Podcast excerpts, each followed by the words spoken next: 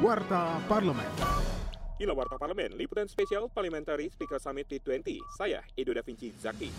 Wakil Ketua BKSAP DPR RI Putus Patmarudana berharap Parlemen Uni Eropa lebih membuka diri untuk bekerja sama dengan Indonesia. Karena menurutnya tantangan global di masa mendatang cukup banyak dan membutuhkan perhatian serius. Menurut politisi praksi Partai Demokrat itu, kerja sama Uni Eropa dan Indonesia belum signifikan bagi kemajuan dan pertumbuhan ekonomi kedua pihak. Warta Parlemen. Dalam acara Parliamentary Forum in the context of the G20 Parliamentary Speaker Summit P20, Ketua DPR RI Puan Maharani menyampaikan DH G20 Parliamentary Speaker Summit atau P20 Indonesia 2022 akan mendorong semua negara untuk perubahan dan kebangkitan dunia melalui isu permasalahan global.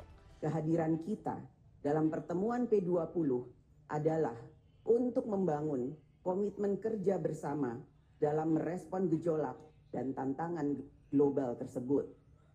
Kekuatan parlemen P20 adalah dalam mewakili suara rakyat untuk memberikan legitimasi atas upaya pemerintah menjalankan komitmen kebijakan luar negeri dan kerjasama antar negara. Berita dan informasi P20 dapat mengunjungi media sosial TVR Parlemen.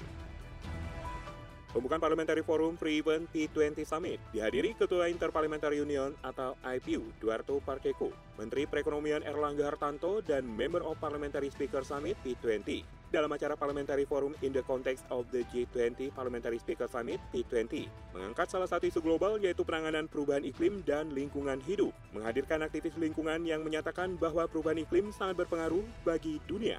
Televisi Radio Parlemen. Demikian Warta Parlemen, liputan spesial Parliamentary Speaker Summit P20. Produksi TV dan Radio Parlemen, Referensi Indonesia. Biro Pemberitaan Parlemen, Sekjen DPR RI.